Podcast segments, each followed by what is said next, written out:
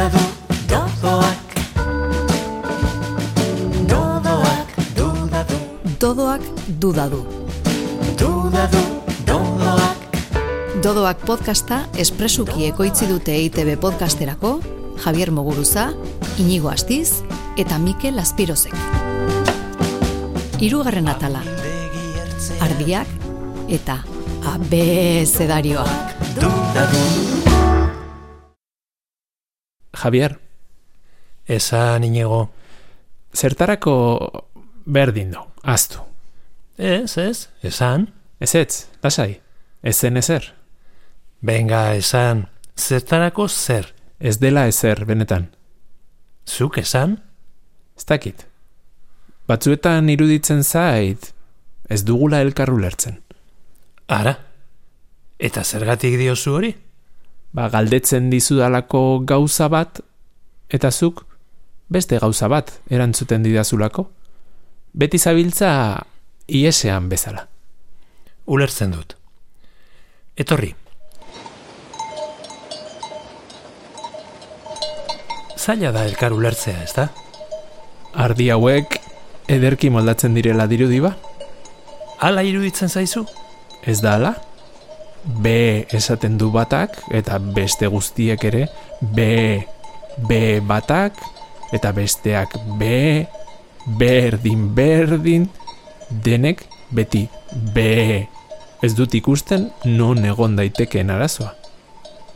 Eta hauntzak?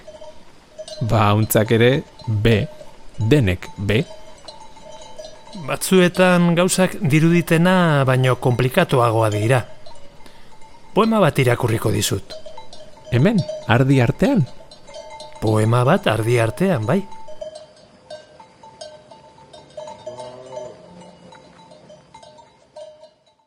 Sola saldia. Be, be, ardiak eta hauntzak elkar topatu dute. Be, be, be, be, agurtu du hauntzak. Eta ardiak erantzun, be, be, be, be, iritzi dio batak. Eta besteak kontra, be, be, be, be, luze aritu dira luze. Luze elkar entzunga, be, be, Ba horixe bera, horixe bera eta berbera, B eta B. Batzuetan nik ere ez dakidala entzuten oten nauzun ere. noski entzuten dizudala. Abai, Baietz ba?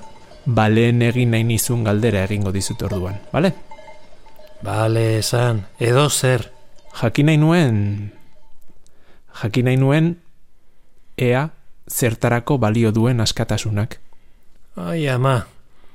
Baina, azken naiz ez entzunarena egiteko ere, ez da? Javier, berriz, lau arrain, arrainuntzian.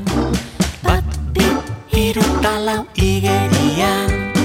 Salto, plup, egin du batek.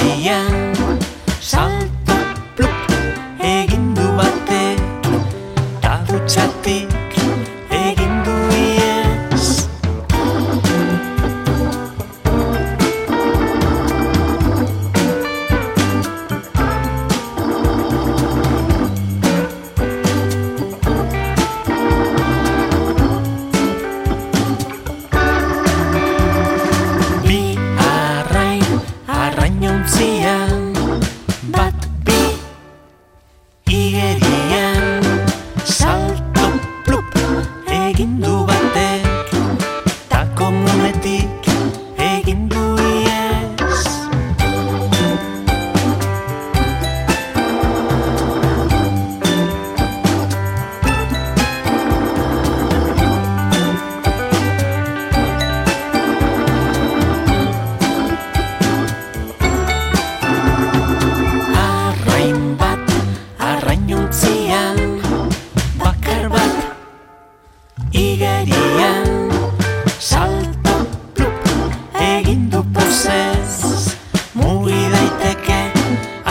as soon as.